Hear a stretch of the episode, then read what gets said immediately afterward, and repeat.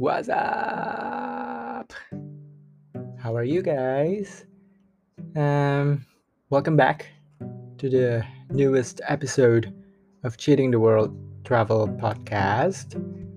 Yang kali ini gue berjanji beneran akan ngomongin destinasi traveling lagi.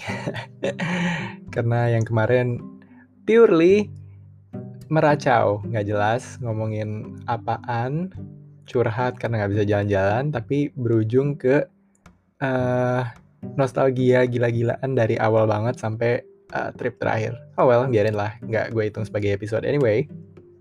Jadi ini adalah episode official berikutnya yang akan ngomongin soal my trip to Hong Kong.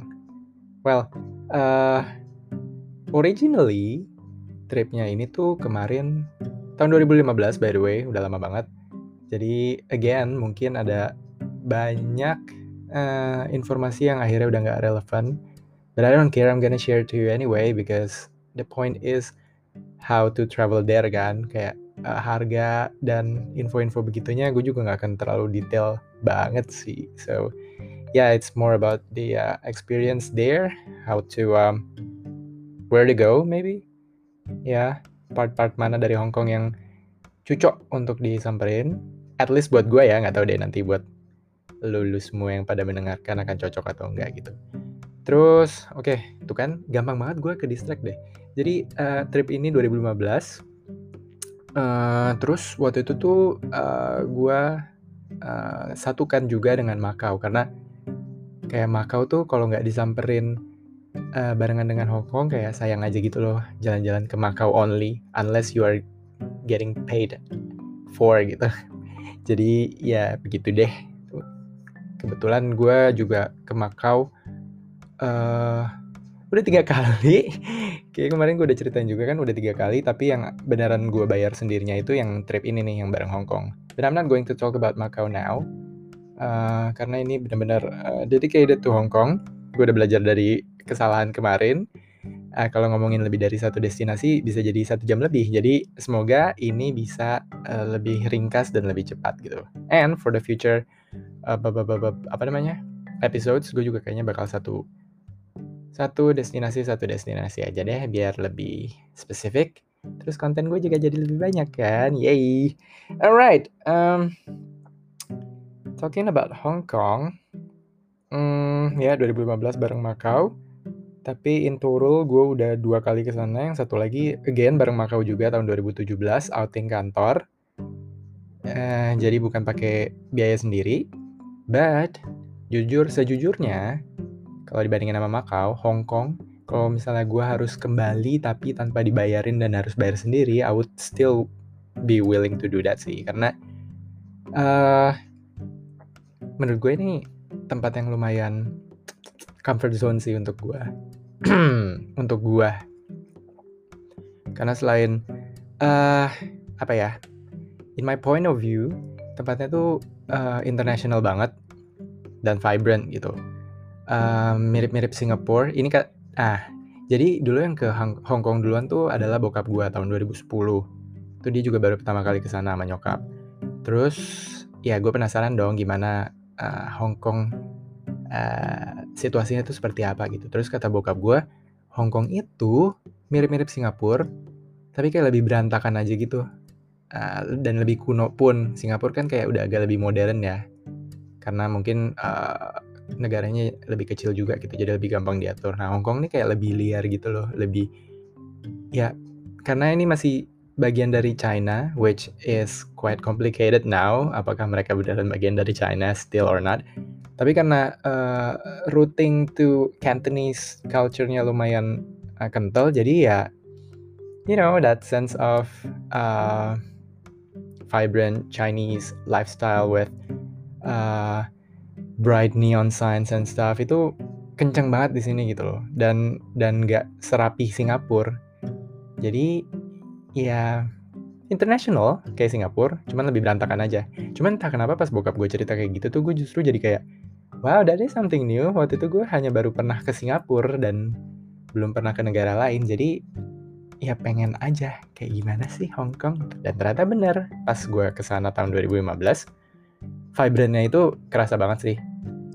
Sesuatu yang gue nggak begitu dapetin di Singapura gitu karena Singapura kaku banget mungkin karena sudah berubah menjadi negara yang super internasional dan fokus ke bisnisnya lebih gede daripada fokus yang lainnya. Jadi ya udah kayak kaku aja gitu loh sementara Hong Kong walaupun sama-sama jadi hub untuk bisnis juga cuman ada part-part Hong Kong yang I don't know feel so apa ya friendly gitu nggak yang terlalu intimidating gitu kayak uh, makan di jalanan juga masih bisa, terus haggle di uh, street market juga masih bisa. Beda lah, uh, apa namanya, feelingnya sama Singapura gitu. But on top of all, selain dari uh, selain dari nature, nature. Nah, anyway, nature-nya Hong Kong juga gokil sih menurut gue. Karena emang mereka lebih gede kan daripada Singapura. Singapura punya apa sih untuk nature nggak ada kan? Ya ada sih si apa Pulau Ubin itu, which will I will talk about it to later. Kayak belum ada tuh di uh, kalender gue. Anyway, uh, ya yeah, pokoknya nature-nya Hong Kong menurut gue super super rich dan banyak banget yang bisa dieksplor. Which di dalam dua trip gue itu gue untungnya melakukan uh, nature exploration. Jadi nggak cuma belanja-belanja doang kan seperti yang orang-orang Indonesia tahu tentang Hong Kong gitu. So gue ngerasa banyak banget yang ditawarin di Hong Kong. Plus again, this is something I was going to talk about tapi seperti biasa gue ke distract. Uh, gue punya kayak semacam I don't know emotional bond with Hong Kong itu karena pas trip pertama gue ke sana, I told you guys this before di beberapa episode sebelumnya dan sebelum ini persis. Jadi gue tuh pas pertama kali ke Hong Kong uh, bertemu dengan a group of awesome people yang apa uh, beberapa dari Hong Kong dan beberapa dari China mainland dan satunya dari Prancis. Nah yang dari Hong Kong ini tapi mereka udah lama tinggal di luar negeri. Jadi uh, waktu itu pas 2015 gue ke sana mereka kayak lagi pulang lagi ke Hong Kong gitu. So uh, intinya yang benar-benar orang Hong Kongnya dari grup gue itu kayaknya cuma satu orang dari berdelapan apa bersembilan ya gue lupa apa bersepuluh ya segede itulah Cuman uh, selanjutnya dengan berapa ya? Dengan lima orang di antara grup itu tuh gue beneran kayak jadi berteman beneran lah sampai sekarang nih masih in touch gitu beberapa ada yang pernah ke Indo terus akhirnya gue ketemu nah, apa uh, ke bar beberapa lainnya bener-bener masih yang constantly exchange kabar gitu. Apalagi kemarin kan abis ada yang si protes-protes demonstrasi di Hong Kong itu. Itu gue uh, lumayan intens sih uh, berhubungan sama mereka nanyain kabar dan segala macamnya. Gak ke semua sih, hanya ke beberapa emang gue deket banget gitu. Dan yang emang gue tahu mereka masih ada di Hong Kong. Yang lainnya gue mas uh, suka uh, apa? Suka nggak jelas mereka tuh sebenarnya lagi di mana gitu. So yeah, um, apa ya, gue ngerasa emang gue kayaknya akan kembali lagi ke sana sih. Mungkin nextnya bukan untuk traveling, tapi lebih ke ya udah in touch dengan orang-orang ini yang gue tahu masih ada di sana. Dan uh, mereka juga masih menanyakan kabar gue, jadi I would so going for that. Terus di Hong Kong juga ada ex boss gue gitu. Entah sih dia tuh bakal di Hong Kong sampai tahun berapa, cuman uh, lumayan lah. Jadi gue kalau gue balik ke Hong Kong dan Xbox X boss gue juga kayak ngasih tahu gitu kalau misalnya lagi di Hong Kong, please let her know gitu nanti she'll show around, show around. Ya karena kalau gue lihat dari Insta Storiesnya dia udah ke mana-mana banget sih. Gue sangat amat iri gitu karena menurut gue Hong Kong dan gue itu tadinya sudah sangat dekat tapi entah kenapa bos ex bos gue ini jadi lebih dekat lagi dengan Hong Kong gitu gue menjauh okay enggak harusnya gue yang lebih dekat dengan Hong Kong canda. No ya yeah, gue jealous. Jadi I would go back there to meet my friends and to meet my uh, ex boss kalaupun gak traveling I don't mind. Karena ya udah emang that's the connection between me and Hong Kong azek azek azek. Banyak bahasa basi lo udah. Anyway let's get down to business. Mm, oh ya yeah. Hong Kong ini beserta Macau uh, Vicky Amin ada bukunya nih kawan-kawan. Jadi uh, kan tripnya 2015. Nah tahun 2015 itu juga gue uh, ngeluarin bukunya sih Cheating Hong Kong Macau. ya emang udah lama sih udah lima tahun gitu kan cuman uh, kan gue akhirnya balik-balik lagi tuh ke Hong Kong satu kali lagi kemudian bareng pas outing itu termasuk Macau dan habis itu uh, tahun 2018 gue balik lagi ke Macau full di Macau doang karena uh, ada sponsor trip gitu kan. Nah sponsor tripnya itu sebenarnya adalah bagian dari uh, project revitalisasi buku gue yang udah out of date itu. Karena kan 2015 dan waktu itu udah 2018 jadi gue pengen memperbarui info-infonya lah. Untuk Hong Kong gue gue kan udah punya dari trip yang sama outing itu. Plus gue nanya-nanya juga dari teman-teman gue yang di sana apa aja yang berubah-berubah akhirnya gue bisa update uh, untuk Hong Kong nah untuk Macau karena pas outing itu bener-bener cuma satu hari ya satu malam lah sebentar banget. Jadinya ya gue butuh hmm, info tambahan dan terjadilah si trip sponsored itu which I'm going to tell you on a separate episode lah karena itu itu super big super fun super super lavish. Gue udah kayak sultan lah intinya di trip itu. Nah jadilah buku si Cheating Hong Kong Macau itu tahun 2019 karena tripnya 2018 habis itu uh, one thing led to another lumayan lama. Eh, apa 2018 akhir ya? Ya pokoknya lumayan baru lah. Muncul deh nih si Cheating Hong Kong and Macau yang uh, revised edition. And I think it's still on bookstores. Tapi ya ya yeah, you guys are not going to bookstores lately. Jadi uh, you can get it online di uh, websitenya Gramedia ntar gue taruh linknya di uh, description of this episode plus there's the additional discount 10% if you are using the uh, referral code of uh, Rifkiram 10 kalau nggak salah. ya, pokoknya nanti semua infonya gue taruh di description aja deh. This is not the place for me to sell my book. Cuma mau remind aja that kalau mau lebih banyak detail soal Hong Kong dan Macau, might as well just uh, browse it through my books karena gue udah udah taruh semuanya di situ lah. Di sini di podcast ini gue pure cuma pointer saja dan lebih banyak ke cerita personalnya. Oh well. Yap, 12 menit. I'm point I'm aiming to do this quick karena cuma satu destinasi. Uh, mungkin ada breaknya tapi setelah itu nggak akan lama sih. Alright, alright tuh kan malah jadi bertele-tele. Oke, okay, kita mulai dengan ya Hong Kong langsung. Oke, okay, uh, eh, seperti episode yang Vietnam dan apa sih apa sih apa sih Philippines gue mau ala-ala run through dari buku gue gitu dimulai dengan um, kayak semacam introduction passage gitu deh soal Hong Kong gitu karena itu yang selalu gue lakukan sebelum memulai uh, destinasi tertentu kebetulan gue tulisnya dalam bahasa Inggris gitu nggak tahu kenapa biar lebih poetik dan lebih mantap aja gitu deh eh well ini gue lagi buka bukunya karena gue nggak hafal dan gue udah tulis ini lumayan lama so I'm going to read it now What's up with Hong Kong? Asik. The so-called communist extension, Japanese servant, an all time British colony eventually broke free and gained victory, making itself one vibrant, alluring arbor city as we're all fond for today. It's like Dragon, the conqueror of the sky, fly down low to land its prowess over the soil and water of Hong Kong. Woo! Apa ya gue suka deh sama bahasa-bahasa puisinya gue sendiri. I'm sorry I can't help it gitu.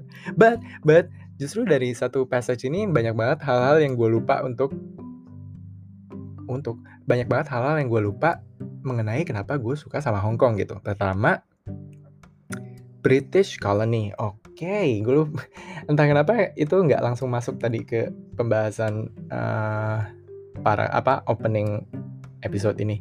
Jadi ya iya Hong Kong kan uh, koloninya Inggris terus dulu juga dijajah sama Inggris. Maybe that's why it's it feels so international gitu mirip-mirip Singapura kan?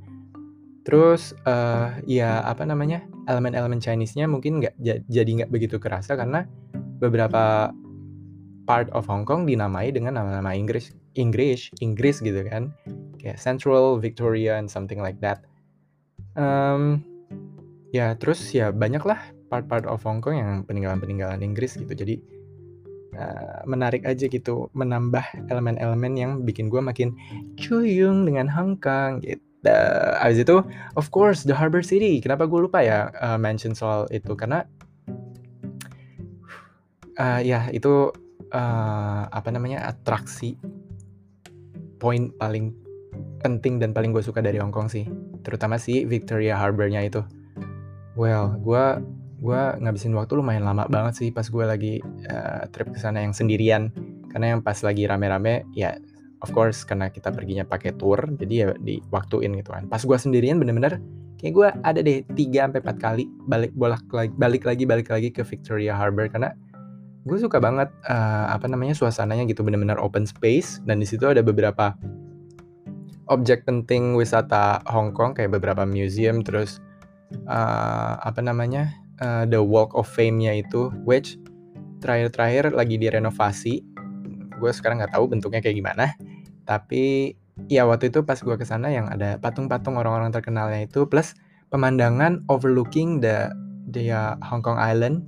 Oh ya, by the way ini Victoria Harbornya gue dari dari area uh, TST gitu.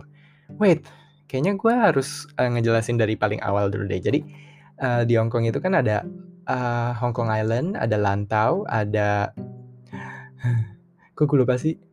Uh, apa namanya? Teritori yang paling besarnya itu di mana? TST which is dia main uh, tourism area-nya berada. Tapi gue lupa deh nama. Pokoknya ada deh yang paling besarnya itu.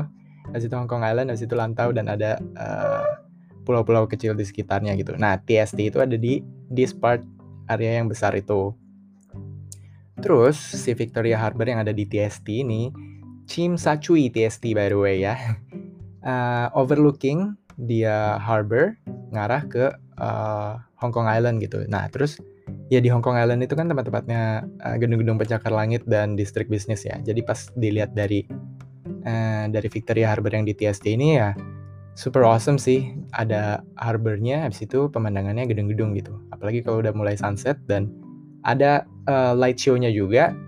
Itu oke okay banget. Makanya gue suka banget di daerah situ. Nah kebetulan gue nginepnya pun di TST di dekat-dekat si Victoria Harbor ini. Ada namanya Chungking Mansion. Itu uh, satu gedung gede berisi banyak banget hostel dan dorm. Wah ini ini Chungking Mansion ini lumayan doji sih. Jadi uh, kayak apa ya kalau di sini? Nggak kayak ITC sih karena lebih lebih jorok lagi dari ITC gitu. Terus isinya tuh orang-orang dari uh, I'm sorry I'm I'm not going to say uh, the to mention the uh, race karena jadi kesannya you know karena gue tadi udah nyebut jorok gitu jadi kayak kasar kalau gue harus uh, ngomongin soal race. Jadi ya ada certain part of group of people emang itu mereka dominate the building. Mereka jadi staff-staff di uh, dormnya juga terus mereka di bagian bawah uh, buildingnya itu mereka jualan-jualan uh, elektronik, jualan makanan dan segala macamnya. Entah kenapa, tapi orang-orang juga masih banyak yang nginep di situ karena ya murah gitu kan daripada harus bayar hotel-hotel yang relatif mahal untuk ukuran eh, di Hong Kong gitu. Nah itu gue nginepnya di situ, tapi I only stayed there on the second half of my trip karena first half of my trip gue stay sama temen gue yang yang itu yang salah satu dari anggota geng Azek geng Hong Kong gue itu first half tiga dua apa tiga malam gitu gue nginep di tempatnya dia. Uh, dan pas si first halfnya itu gue diajak ke tempat-tempat yang bukan uh, tourist places gitu. Karena si teman gue ini lumayan hipster gitu orangnya dan dia kayak nggak mau ngajak gue ke tempat-tempat yang turistik gitu. Dia ajaknya ke tempat-tempat yang lebih alam terus uh, dia punya hobi namanya urbex urban exploration. Jadi kayak di Hong Kong itu kan banyak banget gedung-gedung yang apa ya hmm, yang terbengkalai lah. Jadi uh, apa namanya? Mungkin ada beberapa lantai dipakai, tapi beberapa lantai sisanya termasuk rooftopnya nggak dipakai gitu. Nah, temen gue ini suka banget kayak explore tempat-tempat kayak gitu tuh di di kotanya. Terus ya udah, jadi instead of diajak ke kuil-kuil atau ke Disneyland, dia justru ngajak gue ke tempat-tempat kayak gitu gitu. That was fun and that deserves another uh, episode. Tapi yang sekarang lebih ke touristy places dulu, jadi lebih ke second half of my trip. di mana gue nginepnya di si Chungking Mansion itu. Nah, uh, tadi gue udah cerita soal TST and Victoria Harbor. Habis itu, um, uh, tempat berikutnya yang menurut gue sangat berkesan di Hong Kong adalah area Central. Jadi Central ini adanya di Hong Kong Island yang kalau dari TST itu mesti nyebrang dengan uh, apa kapal. Kapal apa ferry ya? Ya kapal lah kapal kecil gitu kayak cuma 10 menit trip. Uh, sebenarnya bisa naik uh, apa namanya subway juga cuman ya it depends on what you what you are interested more to lah. Jadi kalau mau naik kapal ya silakan kalau mau naik subway juga bisa aja gitu.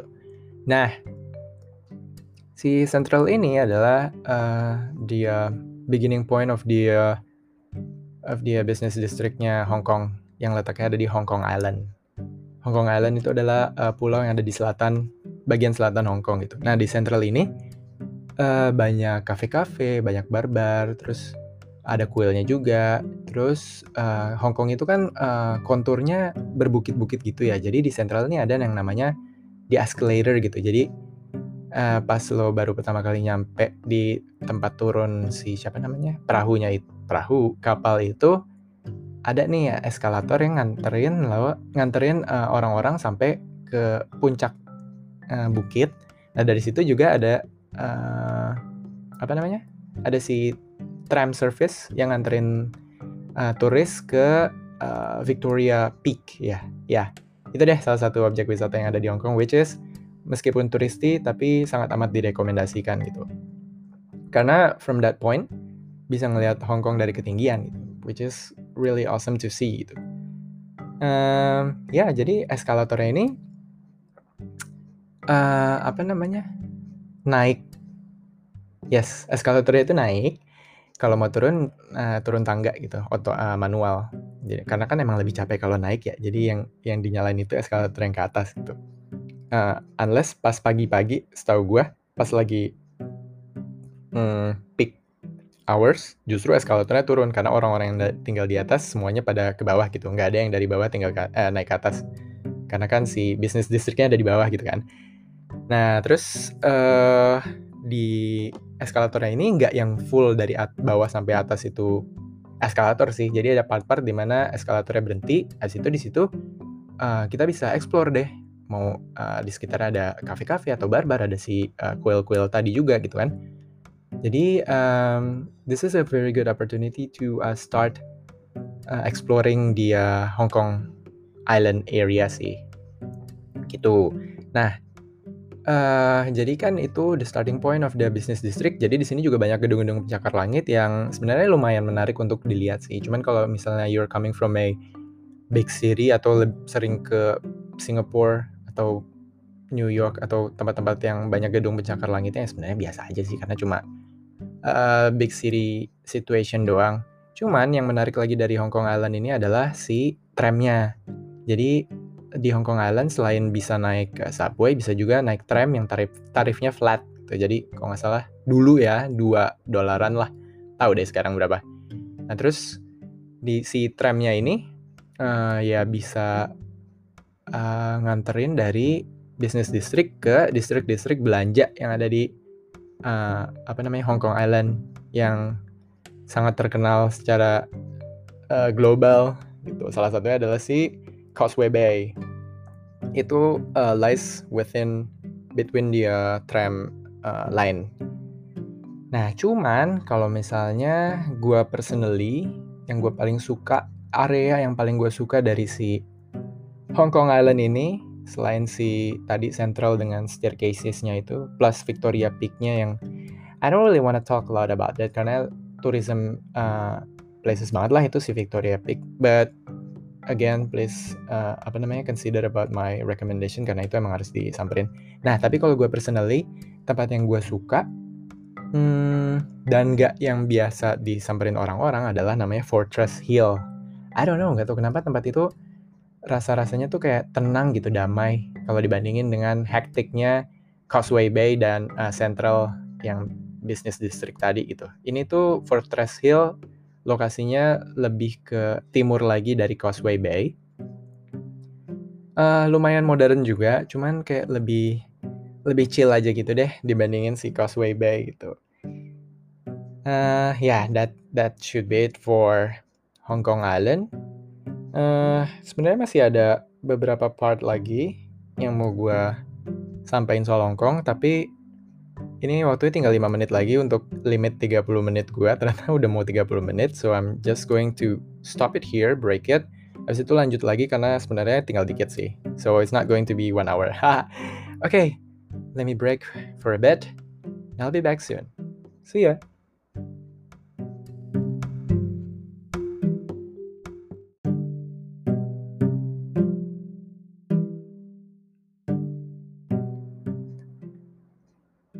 Halo, I'm back. Jadi gimana nih tadi breaknya teman-teman? Basa-basi banget anjing. Oke, okay, um, oke okay, gue lanjutin uh, soal Hongkong ya. Tadi udah ngomongin soal TST, which kenapa ya tadi pas break kenapa gue nggak nyari itu si TST itu nama nama teritorialnya apa? Sebentar ya. Territories in Hong Kong. Ternyata semudah itu. Namanya adalah New Territories. Oke, ada empat nih. Ada New Territories. Ini adalah yang paling utara. Uh, terus ada yang ngetok-ngetok pintu gue. Semoga nggak masuk ya. Barusan ke recording gue males banget mau ulang lagi. Uh, jadi ada New Territories. Habis itu ada uh, apa? Kowloon. Habis itu ada Hong Kong Island dan ada uh, outlying islands itu yang ada di uh, apa namanya sekitaran Hong Kong. Satu lagi ada Lantau. Nah, si TST tadi adanya di Kowloon. Sorry banget nih, ternyata uh, ada beberapa lagi. Ada di Kowloon dan di Kowloon itu ada uh, apa namanya? Ada beberapa kuil, ada ada masjid juga, terus ada tempat belanja juga gitu. Yang paling eh tempat akomodasi yang terkenalnya adalah uh, TST, Chui. Habis itu di seberangnya ada Hong Kong Island yang barusan gue ceritain, ada Central, ada Causeway Bay dan tempat perbelanjaan, terus ada si Fortress Hill yang became becoming my personal favorite. Tapi itu sebenarnya semua masih di daerah utaranya Hong Kong Island sih. Di bawah-bawahnya itu, selatan-selatan Hong Kong Island itu masih banyak lagi uh, kota ya atau apa sih sebenarnya area-area yang worth visiting juga. Cuman of course itu jauh lebih sepi, lebih banyak expat-expat dan orang-orang Hongkong asli dan dari situ tuh uh, apa banyak akses juga ke outlying islands yang ya island-island yang ada di sekitaran Hongkong lah. Gue baru satu kali doang ke salah satu outlying islandsnya itu namanya Tap Moon. Itu yang gue samperin di first half of my trip karena diajak sama si teman gue itu. Uh, gokil dan uh, okay, topik about Hong Kong nature akan di episode terpisah. So, ya. Yeah. Jadi udah ngomongin soal Kowloon dan Hong Kong Island yang berikutnya sih New Territories. Ini tuh yang ada di paling utara dari Hong Kong. Ini tuh yang lebih nature-nya juga lebih kenceng sih. Karena ini emang benar-benar di atas banget terus udah ber ber ber berbukit-bukit. Nah, di sini uh, banyak hutan dan gunung-gunung itulah gitu. Jadi kalau emang nggak into nature mungkin nggak akan terlalu banyak ke New Territories ini. Ini juga jadi uh, the gate to enter China in Shenzhen gitu. Tadinya gue juga mau masukin Shenzhen ke uh, itinerary Hong Kong Macau gue ini kan, cuman uh, masuk ke China kan butuh visa. Hmm, sementara masuk ke Hong Kong Macau uh, orang Indo nggak perlu gitu. Jadi ya udahlah. I think cukup di Hong Kong Macau dulu aja. Plus banyak yang bilang Shenzhen sebenarnya nggak se uh, worth it itu sih kalau di compare sama Hong Kong. Jadi oke, okay, I drop it off the list. So, uh, eh, gue nggak mau cerita banyak soal New Territories, Kowloon udah, Hong Kong Island udah, Outlying Islands nanti aja, karena toh juga gue baru satu island doang yang pernah gue samperin. Next I wanna talk about is Lantau. Jadi Lantau ini letaknya ada di sebelah barat. Ini where the where the airport is, where the um, Disneyland is, sama satu lagi uh, objek uh, terbesar salah satu objek terbesar di Hong Kong, plus yang turisti juga. But again, sama kayak si Victoria Peak tadi, I'd really recommend you to go here. Karena sayang banget kalau enggak sih. Itu si Big Buddha statue. Ini oke okay banget. Plus, you'll get to uh, ride the, uh, apa namanya? kereta gantungnya karena itu Buddha statue-nya benar-benar ada di atas bukit gitu. Sebenarnya kayaknya bisa sih uh, tracking, cuman the idea of doing that kayak ya udah daripada nyusahin diri udah sih bayar aja gitu kan nggak nggak mahal-mahal banget. Dan ada pilihan kelas-kelasnya tuh si apa namanya? Si kereta gantungnya ada yang uh, ada yang biasa aja terus ada yang apa crystal clear glass window apalah. Jadi yang emang pas lagi naik itu bisa lihat jernih ke bawah ke hutan-hutan yang lo lewatin untuk mencapai si Big Buddha statue-nya itu gitu uh, ya dia dia cable car-nya sendiri udah menarik. Tapi si Big Buddha statue-nya of course is the um, heart of the visit gitu. Karena uh, besar banget. Terus untuk mencapai base of the statue-nya mesti naik tangga lagi dari si apa tadi cable car-nya. Tapi semuanya worth it lah dengan segala pemandangan dan you know um, historical religious uh, elements and stories that they have in the statue itu worth to follow deh. Nah, habis itu tadi gue udah mention Disneyland. Gue sebenarnya anak Disney banget kan. Cuman nih pas trip yang 2015 ini, gue kan uh, waktu itu masih belum punya kerjaan nih. Jadi gue hanya mengumpulkan pundi-pundi dari project-project freelance yang pernah gue lakukan aja nih selama 2014. Nah, jadi udah nginepnya di Chungking Mansion yang yang aduhai banget, yang zong banget, tapi menarik menurut gua. Habis itu di Macau juga gua uh, penginapannya lumayan lumayan salah besar sih, fail banget. Ya tapi mau gimana, gue nggak nggak punya duitnya gitu untuk lavish luxury living gitu kan. Jadi untuk trip yang gue 2015 ini, eh, secara secara berat hati gue skip the Disneyland gitu. Padahal itu menjadi opportunity pertama gue untuk bisa mampir ke Disneyland. But ya, yeah, uh, I had to be realistic. Uh, tabungan gue nggak cukup, jadi gue skip dan untungnya, untungnya pas gue outing yang 2017 itu ada Disneylandnya. jadi ya Allah, makasih banget sudah ngeplot semua ini untuk Vicky Amin. Semua datang tepat pada waktunya. Ya I really love my life, my traveling life gitu. Semuanya kayak came on the right time. Alright, that's it about Hong Kong. Tapi belum selesai. Itu tadi baru area-areanya aja. Gue recap ya. Kowloon, di mana ada TST dan Victoria Harbor. Di situ nyebrang pakai perahu. Perahu again, kenapa sih perahu? Pakai kapal. Uh, tibalah di Hong Kong Island. That's where the central business district is. Victoria Peak, Causeway Bay, dan kalau misalnya pergi ke selatan bisa menemukan uh, some other amazing stuff. Di situ ada new territories yang lebih ke uh, nature, hiking, jungles and stuff. Uh, ada Lantau, uh, Disneyland, airport dan uh, Buddha statue dan outlying islands. Nah, yang mau gue ceritain berikutnya adalah soal um, ini sebenarnya salah satu highlight yang paling gue doyan banget pas lagi trip gue kemarin itu. Hmm, jadi gue nggak tahu ya kalau sekarang sebenarnya masih ada apa enggak. Tapi waktu itu tuh uh, apa namanya? Setiap hari Rabu itu semua museum di Hong Kong, at least di TST dan sekitarnya ya, itu free of entrance. Jadi pas banget kebetulan waktu itu di trip gue ada hari Rabunya dan gue manfaatin itu satu harian penuh untuk ngunjungin semua museum-museum yang menurut gue menarik gitu. Dan kebetulan ya semuanya emang lumayan menarik sih.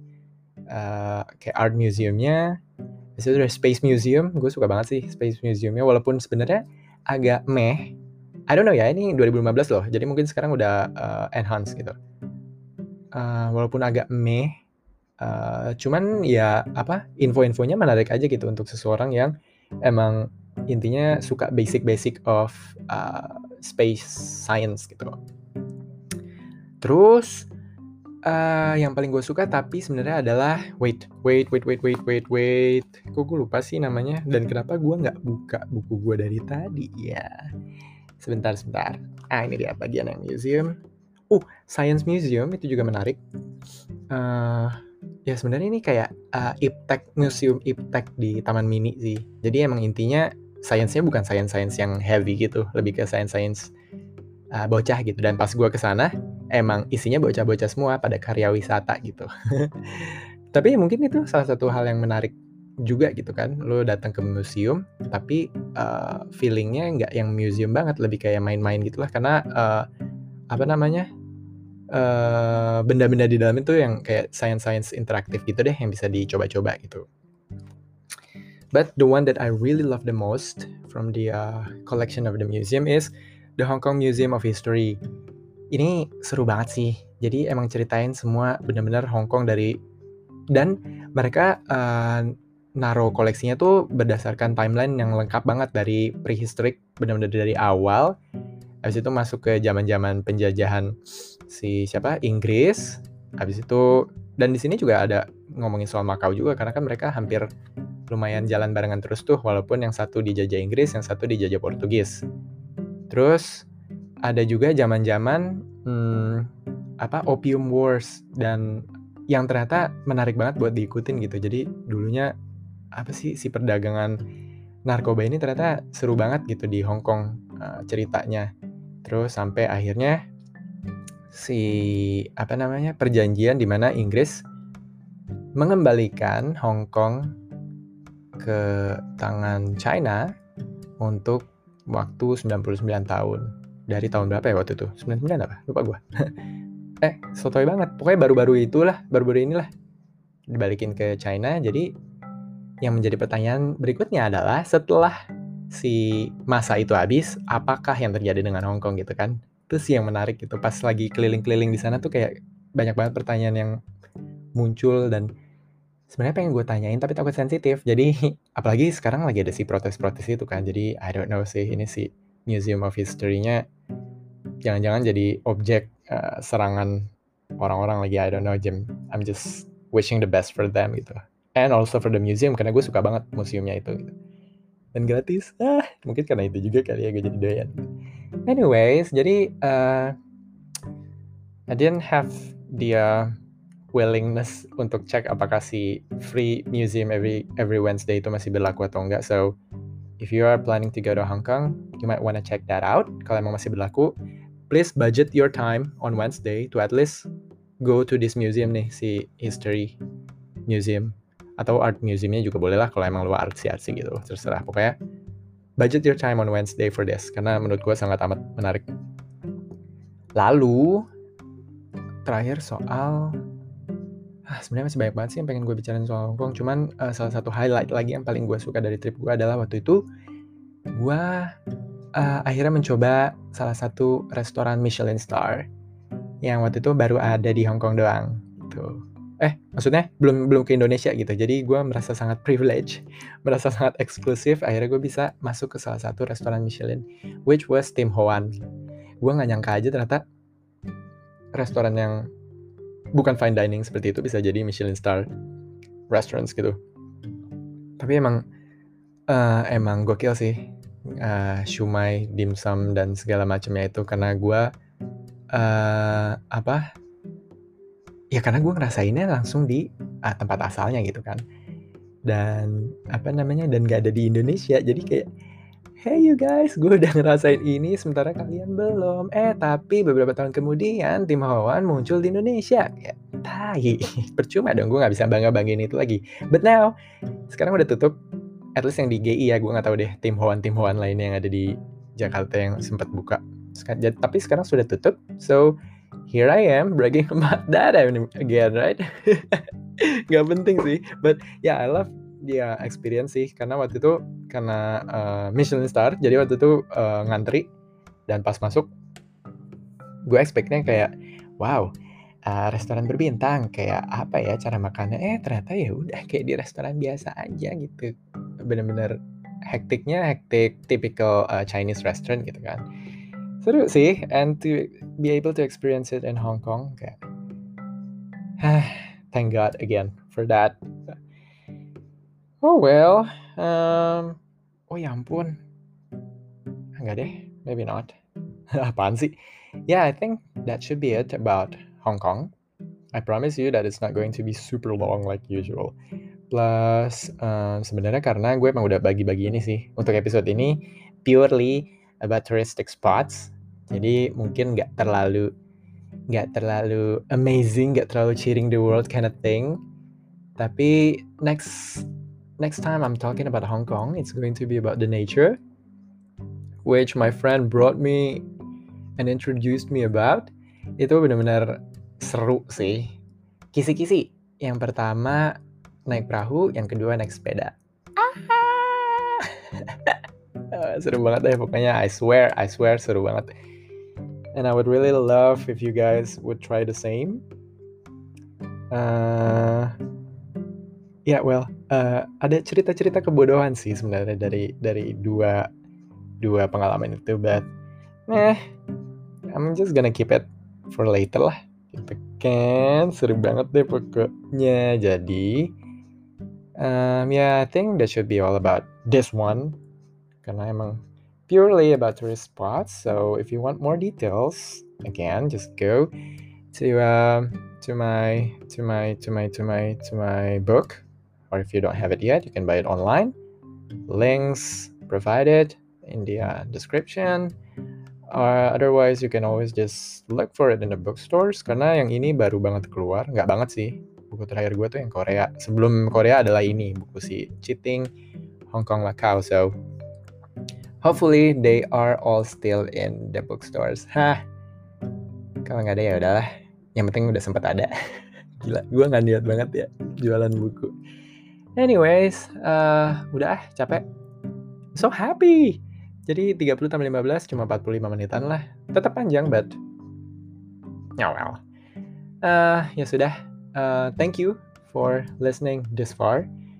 And I'll see you guys in the next episode of Cheating the World Travel podcast, which is going to be about some other destinations again. I, I promise it's not going to be another ramble or curhat-curhat nggak jelas. okay, I'll see you soon. Ciao.